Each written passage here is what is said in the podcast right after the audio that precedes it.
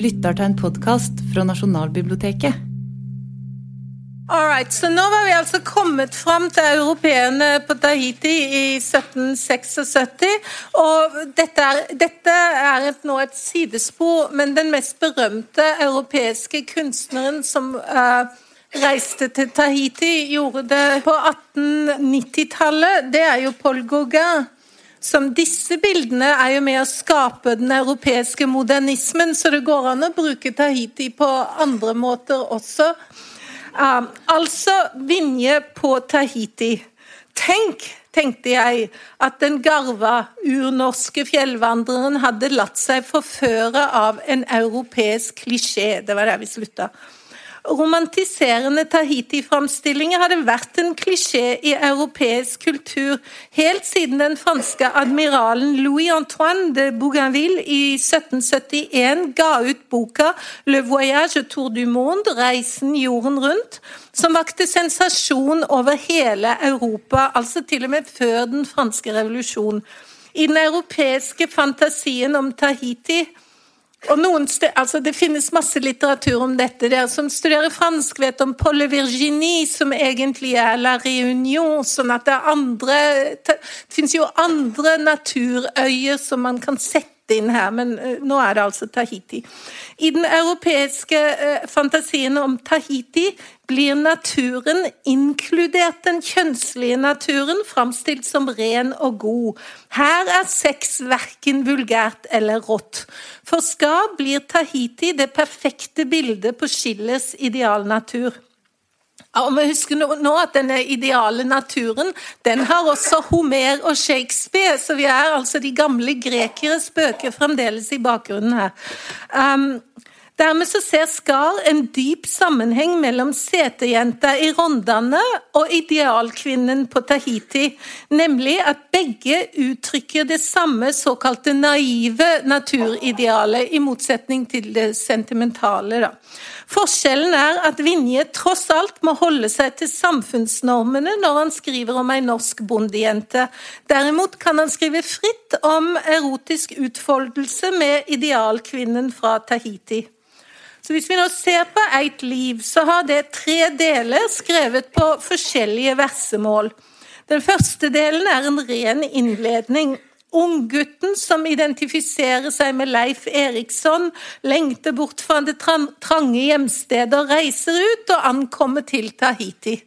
Så har vi del to, som handler om oppholdet på Tahiti. Og del tre forsøker desperat å få til en filosofisk avrunding uten å lykkes. Skar, til og med Skar er enig i at del tre er dårlig. Han skriver det er rent løgelegg å se hvor hjelpeløst Vinje trivler straks den episke tråden er ende. Slutten på diktet vil bare si at det slutter. Leseren vender bladet og ser med undring at det var ikke mer, skriver Skar. Men del to, som er skrevet på det fine greske versemålet heksameter, er strålende mennesker. Her omringes skipet av nakne, svømmende kvinner med langt hår som vil om bord. Vinje selv griper her til et klassisk bilde, og nå siterer jeg litt Vinje. Inkje der var som eit makalaus syn fra augom skal dylja. Nei, det var Venus som yndig steig opp fra frodande bylja. Så altså helt nakne som Venus i uh, bølgen osv. Så, videre. så går diktet videre, og kvinnene gir seg til å velge ut menn blant sjøfolkene.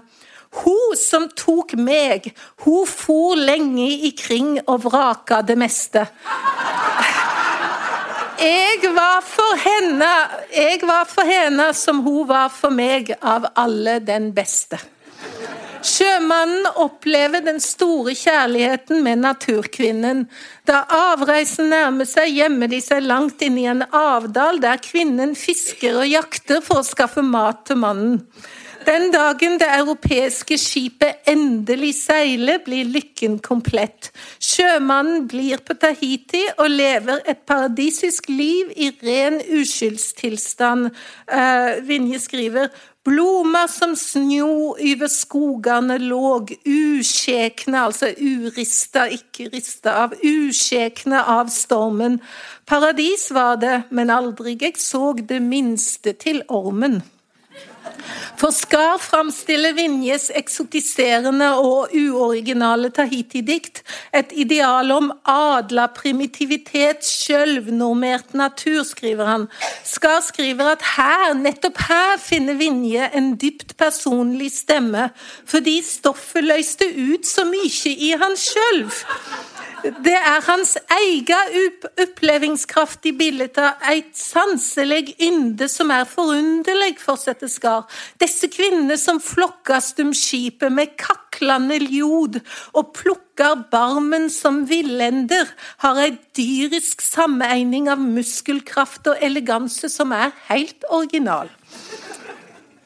Vinje gjør den antikke tradisjonen til sin. Han er så naturlig innlevd i den at han ikke trenger å nevne den eksplisitt. I ett liv, skriver Skar, har Vinje gitt det djupeste uttrykket for antikkdraumen sin. Her er han altså kunstnerisk størst og mest freidig. I denne tropefantasien finner vi Vinjes djupe tro på mennesket, inspirert av det Skar kaller Hellas Hellas' klåre soldag. Her på Tahiti lever både den rene og klåre bondeskapen, altså den urnorske bondeslekta, og det som ligger under den, den rene mannahugen, altså den rene menneskenatur. For Skar er altså Vinje aldri friere enn når han setter en europeisk orientalistisk fantasi på vers, aldri mer harmonisk og helensk enn når han maner fram Tahiti, og aldri i nærmere kontakt med norsk bondeliv enn når han viser fram mennesket, jeg mener mannen, i full, men mirakuløst rein erotisk utfoldelse med innfødte kvinner. Skars bilder av Vinje er gode. Jeg kan absolutt se for meg Vinje som en gresk barbar, som den vise Homer, eller den nakne Odyssevs med ei lauvgren over sumeting. Men bortsett fra det, så oppfatter jeg denne lesningen av et liv som det rene vanvidd. En kaudevelsk blanding av idealisme, orientalisme og nasjonalromantikk, som klarer å gjøre Vinje, Vinjes feberhete orientalistiske poetiske og uoriginale erectio penis-dikt til forfatterskapets høydepunkt. Men den er utrolig interessant, denne lesningen, fordi jeg tror at den kan være et symptom på noe som rører seg i norsk kultur i mellomkrigstida. Vi har jo sett at Skar brukte Schillers idealistiske estetikk til å knytte forbindelsen mellom de gamle grekere og Vinje og hele den norske bondetradisjonen. Men på 1930-tallet er det ikke bare Skar som gjenfinner Homer i den norske bondestanden. I fjor oppdaget Dag Solstad nemlig at i mellomkrigstiden var det også gjengs oppfatning at det store, jeg siterer Solstad, det store ved Olav Duns diktning var at den med basis i enkle bønder fra Ytre Namdalen folder ut en diktning som er vårt norske svar på den greske tragedien. Så dette temaet syns jeg fortjener nærmere gransking. Var slike forsøk på å få den norske bonden til å framstå som en versjon av de gamle grekere noe spesifikt for landsmålsnasjonalismen? Skrev kritikeren noe lignende om Sigrid Undsets middelalderromaner, eller gjorde de det ikke? Var forståelsen av antikken alltid skillesk som oss Skar? Jeg aner ikke, men det aner meg at det ligger noe begravet her. Men det jeg vet, er at mot slutten av 1800-tallet ble en moralistisk og degenerert versjon av Schillers idealisme den frembrytende modernismens verste fiende. Hvor lenge spilte dette kunstsynet en rolle i norsk kulturliv? Var den levende i mellomkrigstiden, eller er Skar en enslig svale? Overlevde idealismen så lenge i Norge at den holdt tilbake utviklingen av en genuin modernisme på norsk grunn? Jeg vet ikke, men jeg føler at jeg nå har noen gode spørsmål å jobbe videre med. Men nå skal vi vende tilbake fra Tahiti til Norge, men vi skal ikke slippe taket i kvinneskikkelsene. Så denne delen heter 'På jakt etter Dråsy, på jakt etter Norge'. I del to av Færraminnet innfører Vinje en kvinnefigur som han kaller Dråsi, eller Dråsa om dere vil, men han bruker i-endelsen. Ei drås, forklarer han, er ei fager, staut jente. Og i hele del to så forsøker Vinje å nærme seg Dråsi. Han får stadige glimt av henne i Trondheims gater, ser henne på avstand i forsamlinger, og får nesten henne i snakk, men han blir aldri kjent med henne. Dråsi er et åpenbart litterært grep. Jon Sæverud sammenligner henne med Petrarkas Laura. Det er Laura til venstre her, tror jeg. Botten Hansen mer treffende, tror jeg, med Don Quijotes Dulcinea. Dråsi, um, og vi kan jo godt ta med Dantes Beatrice som nummer tre. Det er denne type idealfigur. Dråsi er så litterær at innslagene med henne faktisk forstyrrer den ettertenksomme, slentrende, essayistiske stilen i Færaminni. Dråsi er som et fata morgana. Så snart Vinje nærmer seg, så smetter hun unna. Men likevel så redder hun livet hans. I avsnittet med tittelen 'Dråsi frelsa meg' skriver Vinje at han hadde tenkt å ta båten ut til Ørlandet for å se det gamle herresetet Austrått. Men så kommer han på at Rosi ennå er i byen, så han bestemmer seg for å bli værende litt lenger i håp om å treffe henne. Altså, Han venter da, reiser ikke over uh, fjorden. Så skriver uh, Vinje Jeg tror på lagnaden min, tenkte jeg, og venter. Og vel var det, for det kom slik en storm i fjorden at den båten jeg skulle ha vært fylt, koldsiglte og vært driven inn på Byneset. Jeg tror de kommer bort alle sammen. Og hadde ikke Dråsi vært, så hadde det visst gjengitt like ens meg. Hun frelste da livet mitt. Dette er ren fantasi. Det var ikke noe skipsforlis rundt, rundt Trondheim akkurat da. Sånn. Så det er, eh, skriver Olav Vesaas, en episode som høver i ei heltesåge. Så hva skal han med denne Dråsi, da? Det er vanlig å si at Dråsi er et bilde på Norge, og det tror jeg er riktig. Men dermed blir Vinjes jakt på Norge til en erotisk jakt, og Norge, det unge norske folket, eh, blir til et slags ugripbart fata morgana, en frelsende fantasi, men som aldri blir virkelighet. Fantasien om folket, det unge norske folket, frelser Vinje, for gir, den gir ham et språk og en uttrykksform, og gjør det mulig for ham å finne sin egen stemme, både i prosa og lyrikk. Men Vinje vet godt at Rosi er en fantasi som aldri stiger ned i virkeligheten. Det norske folket slik det framstår i Færaminni, er slett ikke entydig vakkert eller heroisk. Altså Færaminni idealiserer setejenter og andre kvinner, kanskje med unntak av gamle Malene. Men den er realistisk nok når den gjelder den norske bonden. Bøndene på Vestlandet er skittenferdige og bakstreverske, mens bøndene i Østerdalen står høyt i kultur og dialekt. Noen bønder er opplyst og kultiverte, andre er pietistiske og uvitende. Noen snakker god dialekt, og andre gjør det ikke. Og om dere skulle være trøndere, så er dere ikke bedre enn mandalitter, tror jeg, for det står i Færaminnet at trønderne snakker et degenerert og jodlaust herkemål som Vinje ikke kan fordra. Ingen av kommentatorene jeg har lest, sier noe om hvordan det faktisk går med Vinjes forhold til Dråsy og dermed til det norske folket. Olaf Midthuns framstilling er et nokså typisk eksempel. Midthun skriver og så er det Dråsa, som han har sett navnet på i skyssbøkene og reiser etter. I Trondheim hilser han på henne.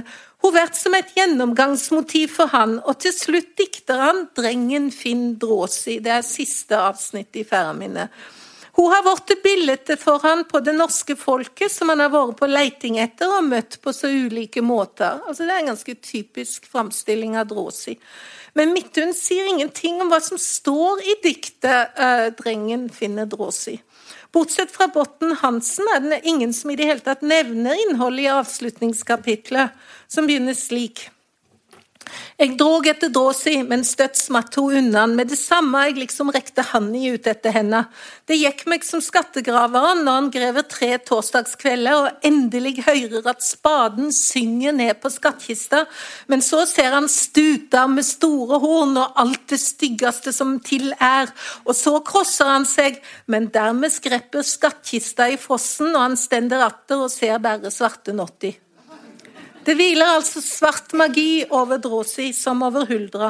Vinje forteller i avsnitt om Huldra, som Skar likte så godt, om en mann som ble bergtatt av en underskjønn hulder og besvimte etter han, da han fikk et glimt av kuhalen. Så skriver Vinje da han vaknade opp atter, så han ingenting annet enn svarte myrkere i selskråa, der han lå på lyng og mose, frosen og solten og så trøtt at han verkte i hvert ledd. Den mann som lar seg forføre av Dråsi som av Huldra, lar seg forføre av illusjoner.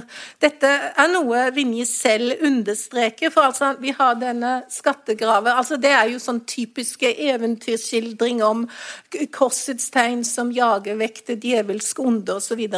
Men så kommer diktet, og her siterer jeg bare noen ut noen deler.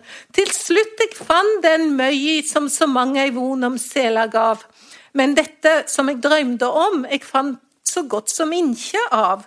Hun var vel ven, og kvitt og raut så ut som blomens fagre lit. Men kjære vene, alt er daut når ikke der er attåt hvit. Og så hopper vi over litt, og så står det Jeg spratt ifrå og drog meg nær i oraleik som hvitfull dreng. Altså, han snakker åndfullt og flott til henne for å imponere, antar jeg. Men svaret eg fikk som når du slær på klokka som i vatnet heng. Eit auga som av kjærleik vått, en munn som skapte Herrens pris, eg såg, men melet var så rått, det gjennomskar meg som en is. Altså, med andre ord, Dråsi er dum, og hun snakker stygt. Enten det er ordene eller stemmen som er rå, viser idealkvinnen seg å være frastøtende. Som Botten Hansen påpekte, Malene fra Folldalen var gammel og stygg på utsiden, men vakker på innsiden. Dråsi er ung og vakker på utsiden, men stygg på innsiden. Vinje sukker, og her siterer jeg en linje som ikke står der. Det gikk meg her som titt med deg, at mest jeg elska, lengst ifrå, og ettersom jeg nærmad meg, tok elshugsfuglen venger på. Elskeren Vinje får det bedre til i fantasien enn i virkeligheten. Slik er det med forhold til det norske folket også. For etter diktet som stikker hull på den idealistiske fantasiballongen, avslutter Vinje brått hele boka med følgende vits. Ja, dette landet, disse fjelldalene, sagde en mann til meg. Ja, dette landet, det er et land for engler. Ja, så, svarer jeg. Det må da være for det at englene ikke eter noe. Hm, svarer det han. Nei, vi har visstnok ikke alt det kornet som Danmark, men men lagde jeg svinn til, men vi har vel karler som kunne ete korn. Det er ikke tilfeldig at Vinje plasserer en samtale om Norge etter, etter diktet om Dråsis dumhet. For her kommer plutselig en mann og sier at Norge er et land for engler. Det vil ikke Vinje ha noe av. Tvert imot, Dråsi er dum, Norge er fattig, folk sulter. Ikke noe ideal her.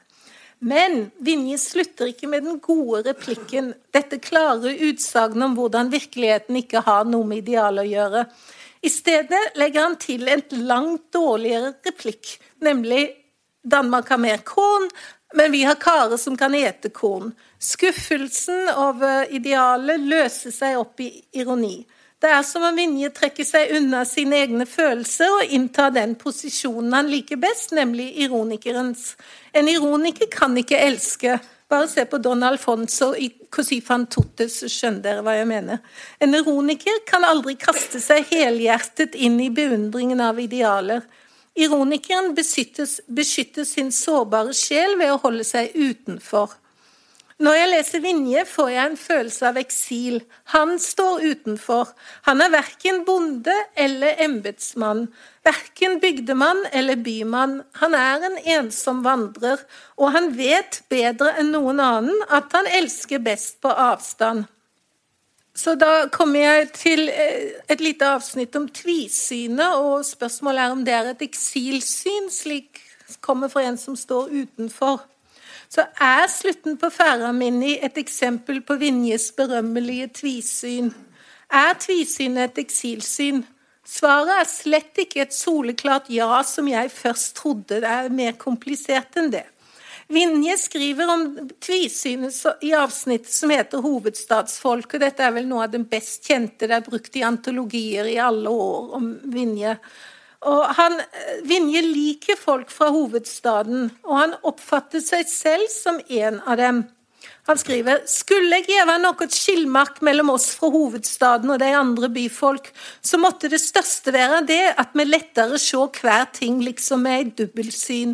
Vi se med eit øynekast liksom retta og vranga på livsens vev. Således at vi lettere kunne liksom gråte med det ene øyet og le med det andre.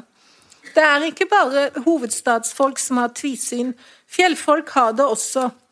Tvisynte folk ser både det komiske og det tragiske, både det latterlige og det alvorlige på en og samme gang. Altså Tvisynet skaper humoristisk sans.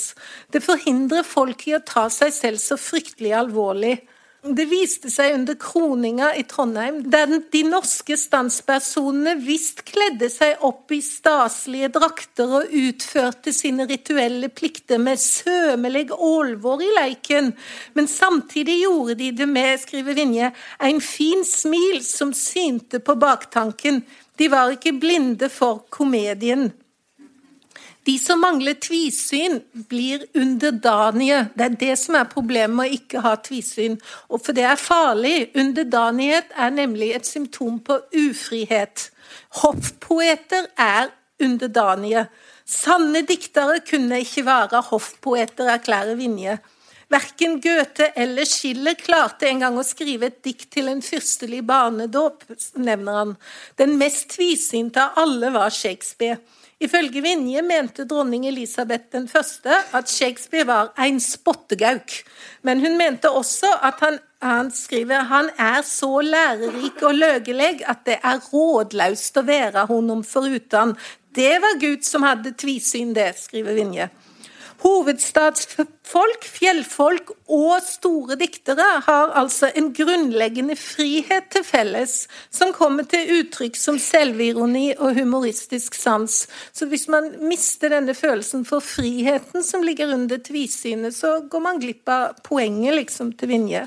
Det er fordi tvisynet står for frihet og selvstendighet, at det er selve innbegrepet av norskhet. Det er tvisynet som gjør Holberg og Wessel så norske, hevder han. Vinje blir varm av begeistring over at Norge blir styrt av tvisynte menn, og at alle opplyste folk i landet deler den samme holdningen. Dette ga meg den store, stolte tru, skriver han, at et slikt folk kan være så lite og armt det vil. Atrel vert det aldri før det misser dette sitt ene auga, som da ikke likt Odins er pantat burt for visdom. Det interessante er at dette er det mest nasjonale avsnittet i hele Færaminni. Det er her at, at, han synger sin ode til norskheten. Her konstruerer Vinje Norge i sitt bilde. Norge er et fritt, stolt folk, blottet for selvhøytidelighet, akkurat som Vinje er en fri, stolt mann med stor selvironi. Det er, bare, det er bare i det han gjør tvisynet til selve nasjonaldyden, at Vinje ser ut til å føle seg helt og fullt som en del del av sitt folk. Altså ikke lenger i eksil, men akkurat her, i dette øyeblikket, så er han liksom Norge. Her går dikter og folk i ett. Tvisynet er selve merket både på dikterens skaperkraft og nordmenns selvstendighet. Merk at dette ser ut til å gjelde menn. Verken seterjenta Anne, den smellvakre Dråsi eller den svømmende havfrua på Tahiti har den minste smule tvisyn. Men hva med fjellrypa Malene? Vinje sier ikke noe direkte om det, men Malene er freidig og fri, rapp i replikken og har humoristisk sans. Hun tar ikke seg selv alvorlig, og siden Vinje mener at fjellfolk er tvisynte, burde jo Malene også være det. Men eh, det er også mulig at Vinje med fjellfolk faktisk mener menn fra fjellheimen. Det er altså vanskelig for meg å avgjøre hvor Malene står i forhold til tvisynet. Det får man gjøre seg opp en mening om selv, tror jeg. Så nå, hva skal jeg nå si om slutten på ferda mi? Det kan se ut som om jeg må gi opp eksillesinga mi, for jeg sa jo nettopp at her er tilsynet dikteren er ett med sitt folk, osv. Men for nå framstår den siste ironiske setningen om at vi har Karla som kunne ete korn, som et uttrykk nettopp for den selvironiske uhøytideligheten som betyr frihet og dermed norskhet. Visselig kan det være matmangel i Norge, men teksten kan ikke slutte i det tragiske. Vi kan ikke bare gråte over matmangelen, den må også latterliggjøres. Om karene kan spise korn, er det fordi de er sultne, men det munnrappe svaret er morsomt fordi de gir inntrykk av at alt norske karer gjør, er å ete. Vi ler, og dermed bekrefter vi vår egen norskhet. Vinje slutter ikke der, men det vil ikke jeg. Vinje sier at en skal se det humoristiske i det alvorlige, og det alvorlige i det humoristiske. Og det er jeg helt enig i. Men uansett hvor norsk dobbeltsynet måtte være, så er det også noe feil ved det. Det er nemlig greit å ha selvironi og ikke ta seg selv altfor høytidelig. Og jeg har alltid ment at den komiske og humoristiske tradisjonen i litteraturen er undervurdert, ikke minst fordi den ofte er blitt praktisert av fremragende kvinnelige forfattere, fra Jane Austen til Zadie Smith og Vigdis Hjorth. Problemet er at alt har sin tid. Det finnes øyeblikk der det alvorlige bare er alvorlig. Noen hendelser er bare tragiske. Shakespeare var ikke bare en spottegauk. Vinjes tvisyn forhindrer ham fra å gi seg sine følelser helt i vold. Det gjør det vanskelig for ham å se det tragiske som det tragiske. Det forhindrer ham fra å nærme seg andre, fra å elske, for spottegauken ba gale best på avstand. Ved å gjøre tvisynet til selve definisjonen av Norge, skriver Vinje seg inn i det nasjonale fellesskapet, men samtidig fanger han seg i ironikerens distanserte rolle.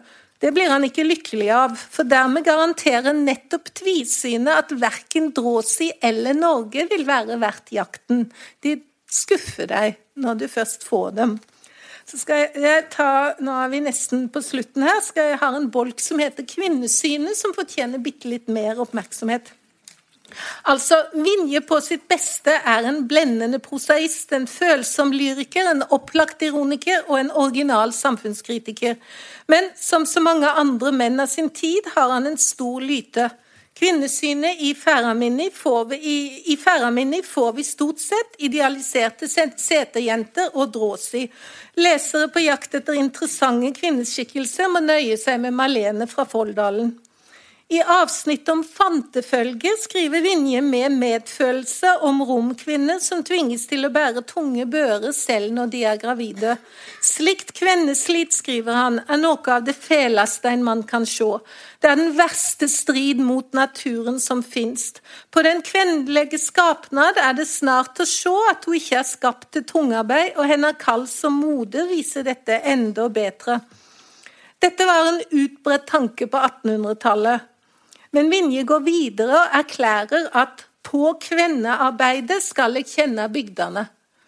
Både den utopiske sosialisten Charles Fourier og den unge Karl Marx hadde formulert det samme synet før ham, nemlig at kvinnens stilling i et samfunn er det beste tegnet på dette samfunnets generelle kultur- og utviklingsnivå, og særlig på dets grad av frihet. Så når Vinje ser på kvinnearbeid i bygdene, så vet han med en gang hvor bygda står hen. Vinje har også medfølelse med kvinner som sliter tungt, slik kvinnene i hjembygda gjorde da han var liten. Men samtidig så er han fullkomment overbevist om at han vet hva som er kvinnearbeid, og hva som er mannsarbeid. Mannen er skapt for tungt slit. Kvinnen derimot, skriver han, er den mjuke, rullende bylja. Hun er havet, som hun også alltid er kalt livsens moder. Dermed blir han sjokkert når han ser at kvinner går i skågang, altså går på rekke og slår med ljå, sammen med menn. Dette er noe de driver med i Trøndelag og på Vestlandet, skriver han. Og det er en forferdelse. Han skriver når dette er sagt, så er alt sagt om bygdetilstanden og det hele stell og all sedhevd, parentes kultur. Vinje um, hadde i det hele tatt en sterk overbevisning om at kvinner og menn burde holde seg i atskilte sfærer. Kvinners intellektuelle evner hadde han ingen tro på. Underlig nok kommer dette fram i en episode som involverer vennekretsen omkretsen til kvinnen som inspirerte Vinje til å oppfinne Dråsi. Jeg uttrykker meg slik, for det er klart at Dråsi ikke er denne kvinnen, men når historikerne graver, så hevder de at han, han var inspirert av Francisca Aubert, som ble født i 1840, som midt på 60-tallet ble lærer i Kristiania. Poenget er at hun og søsteren Sofie var gode venner med de fire søstrene Brandt, som bodde i Vestre Aker, der Vinje og mange andre norskdomsmenn ofte var på besøk. Så nå skjedde, så lærer man følgende. Altså Sommeren 1868 irriterte Vinje Brandt-søstrene intenst, skriver Olav Vesaas i biografien sin. Vinje hadde nemlig anmeldt en bok av en engelsk dame og hevdet at forfatterinnen, en lady Beauclerk, var et eksempel på sitat, denne damekultur der fører kvinnen bort fra hennes naturlige stilling og livsgjerning uten at kunne løfte henne opp til en åndelig forståelse med oss mannfolk. Han mente at jenter nok kunne ta lærerskolen, men at det var helt unødvendig å gi dem adgang til høyere utdanning. Her kan man i fotnote si at slutten av 1860-tallet er nettopp da kvinner over hele Europa begynner å agitere for å få adgang til studier. Kvinnenes oppgave var å stelle hjemme. Haugerud-jentene ble så rasende at den ene søsteren Trine nektet å hilse på Vinje neste gang de traff ham i byen. Snart etter denne krangelen traff Vinje den fraskilte Rosa Kjelseth, som også var lærer. Endelig fant han en make. De giftet seg den 20. juni 1869. Dagen før Vinje selv fylte 52 år, den 5. april 1870, fødte Rosa sønnen Olav. En uke etter fødselen døde Rosa, bare 33 år gammel. Vinje tok det hardt. Helsa hans hadde ikke vært god før, nå ble den verre. Åsmund Olavsson Vinje døde på Gran i Hadeland den 30. juli 1870. I dag står Brynjulf Bergsliens byste av Vinje ved søsterkirkene på Gran. Og den er jo beryktet fordi den har feil dødsdato. Altså, Statuen er ikke beryktet, men innskriften er. Uh, han døde den 30. juli, ikke 31. Med sønnen Olav gikk det heller ikke godt. Han ble oppfostra av onkelen, og Olav ble lagt inn på galehus i Hamburg i 1906. To år senere havnet han på Dikemarks sinnssykehus i Asker. Diagnosen var schizofreni. Der ble Olav Åsmundsson Vinje til han døde i 1932. Og jeg synes det er vanskelig å utvise tvisyn stilt overfor en slik opphopning av personlige tragedier. Så da skal jeg avslutte. Vinje har hatt en enorm innflytelse på det norske folk. Det kan vi takke landsmålstradisjonen for. Min far, som gikk på skolen i Kvinesdal på 1930- og 40-tallet, kan fremdeles sitere Vinje med stor entusiasme. Landsmålstradisjonen gjorde kampen om Vinje til kampen om Norge, om hva som skal gjelde som norsk. Den gjorde Vinje politisk og kontroversiell i 100 år. Men i dag henger spørsmålet om Norge og om hva som, skal, hva som er norsk, ikke lenger sammen med spørsmål om bøyningsendelser og verbformer. Bokmål og nynorsk spiller på samme lag mot den nye trusselen mot det norske språket, nemlig engelsk. Nettopp fordi Vinjes status var så tett bundet opp med målstriden, blir han nå en lite lest klassiker. Da jeg leste Færamini, opplevde jeg teksten både som fremmed og utfordrende, som en nok kan vente av en så springende og mangfoldig bok. Delene som handler om hvordan vi må få mer opplysning og framgang i gardsstellet her i landet, inspirerte meg ikke. Og jo mer idealiserende Vinje er, jo mindre aktuell blir han. Men den kritiske og humoristiske sansen og den slentrende eh, essayistiske stilen er fremdeles utrolig frisk og fri. Men det viktigste med Færøyminnet er likevel selve prosjektet. I vår flerkulturelle tid er spørsmålet om hva Norge er, og om hva som er norsk, mer aktuelt enn noensinne. Vinje gjør en reise på jakt etter Norge. Det var en utrolig god idé. Det er det som er prosjektet. Vinjes Norge er ikke helt mitt Norge, har jeg sagt, men det gjør ingenting, fordi han forsøker slett ikke å etablere noen form for norskhet. Han snakker ikke om 800 år med rent, purt norsk blod. Den normen for norskhet han forsøker å etablere, tross alt, er tvisynet. Men tvisynet har, har, ingenting med gener og gode dialekter å gjøre, men med en vilje til å se på seg selv og på Norge med et samtidig kritisk og humoristisk blikk. Tvisynet er altså et eksempel til etterfølgelse. Se på Norge kritisk og humoristisk.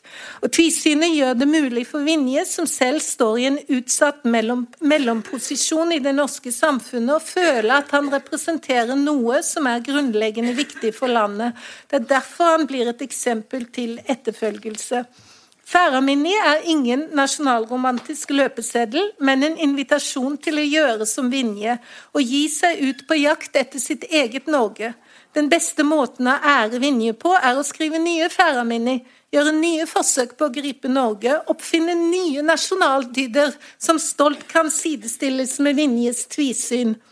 Um, og, og, da vil jeg understreke den bør jo best skrives av noen som selv føler seg noe marginalisert i forhold til det norske, slik Vinje gjorde.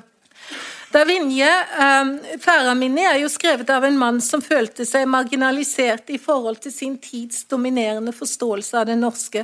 Da Vinje begynte å skrive på landsmål, definerte han seg som forskjellig fra hele det samlede, etablerte kulturlivet i Norge.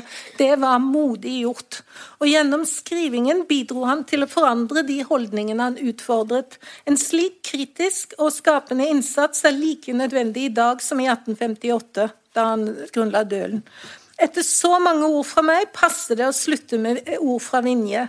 Egentlig vil jeg slutte med 'Nå ser jeg atter slike fjell og daler', både fordi diktet er så fint, og fordi jeg forbinder det med min far.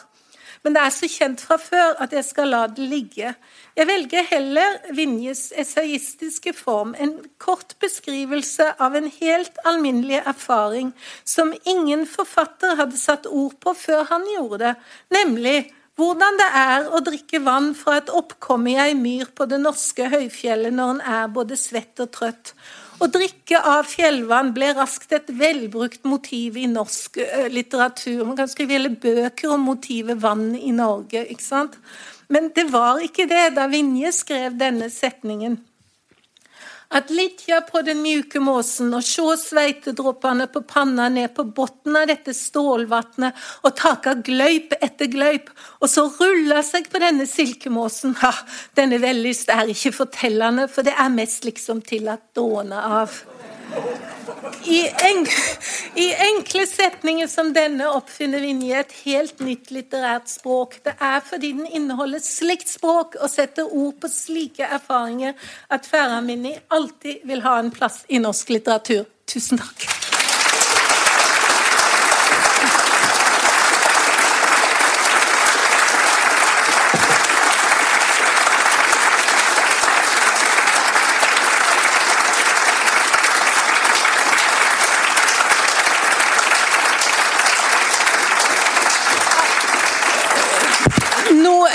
Er så hyggelig at dere klapper så mye, men én ting er sikkert, noe da capo blir det ikke.